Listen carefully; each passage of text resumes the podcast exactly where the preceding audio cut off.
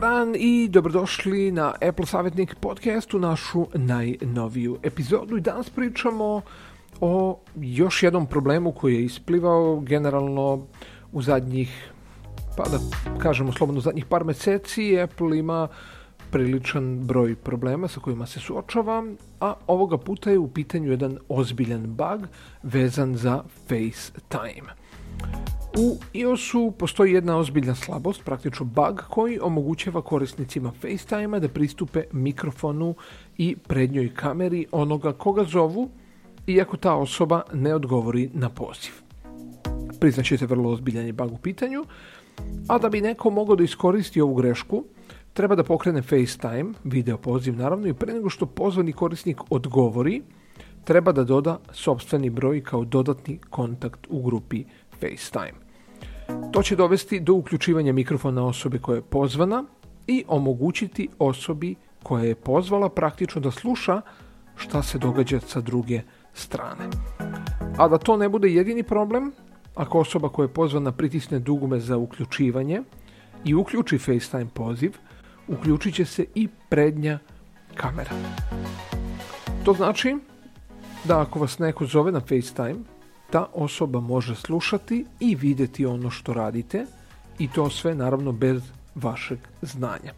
Što je naravno zaista ozbiljan propust koji definitivno nije smeo da se desi tako velikoj kompaniji kao što je Apple i koja zaista toliko priča o zaštiti privatnosti korisnika što ranije i jeste bio slučaj. Da stvar bude još gora, mnogi ljudi su informacije o ovom propustu objavljivali na društvenim mrežama i praktično pravili klipove kojima su dokazivali da ovaj bug zaista funkcioniše. Način na koji je moguće zloupotrebiti ovaj bug je prilično jednostavan, praktično toliko jednostavan da bi skoro svako mogao da ga iskoristi i prisluškuje nekog ko nije odgovorio na poziv. Ono što je zanimljivo je da je Apple izgleda znao za ovaj problem, ali da nije praktično uradio ništa povodom toga neko određeno vreme. E, još 21. januara jedan korisnik Twittera je objavio upozorenje na ovaj ozbiljan problem, propust praktično, u FaceTime-u, ali izgleda da je Apple iz nekog razloga ignorisao ovu informaciju. Kompanija je tek nekoliko nedelja kasnije reagovala, znači u februaru, blokiranjem ovog eksploita tek kada je ovaj propust dospeo u medije. Pomenuti korisnik je iskoristio sve načine da dođe do Apple-a, ali Apple nije reagovao ni na njegove mailove, tweetove, poruke i tako dalje. Naravno, ova informacija se pojavila u svim većim, eh, da kažem, medijima koji se bave tech industrijom, počev od 9 to 5 Mac, The Verge i ostalim uh, velikim zaista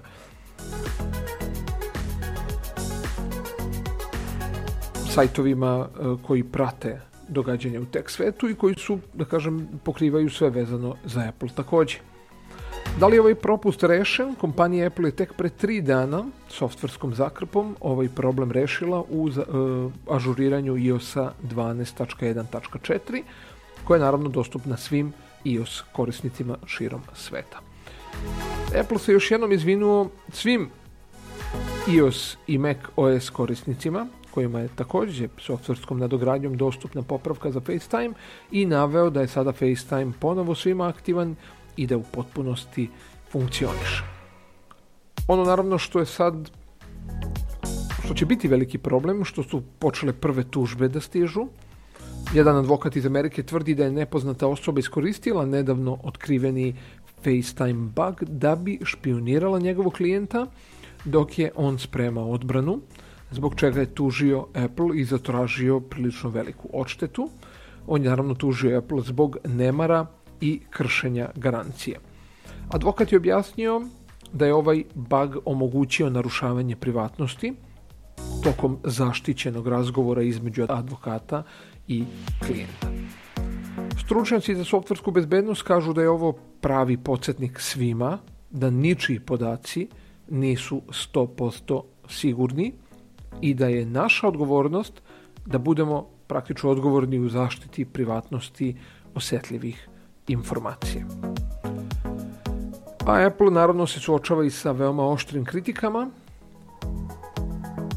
da je pogrešno postupio sa ovim bagom jer je kompanija očigledno bila upozorena nekoliko nedelja ranije pre nego što su informacije o bagu objavljene. Međutim, Apple je navodno ignorisao ova upozorenja i nije odmah pristupio rešavanju problema i dalje naravno nisu komentarisali ništa iz kompanije Apple, kao što smo naravno već i navikli.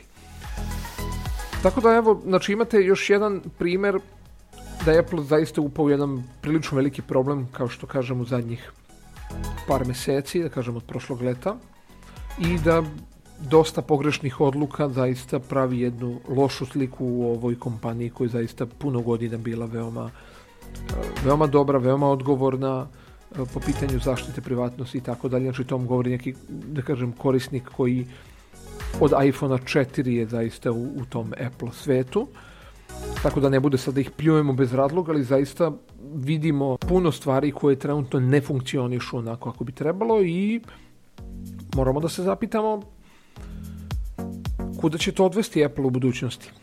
Ali to će možda biti naravno tema za neku od naših sledećih epizoda. To bi bilo sve za sada, naravno.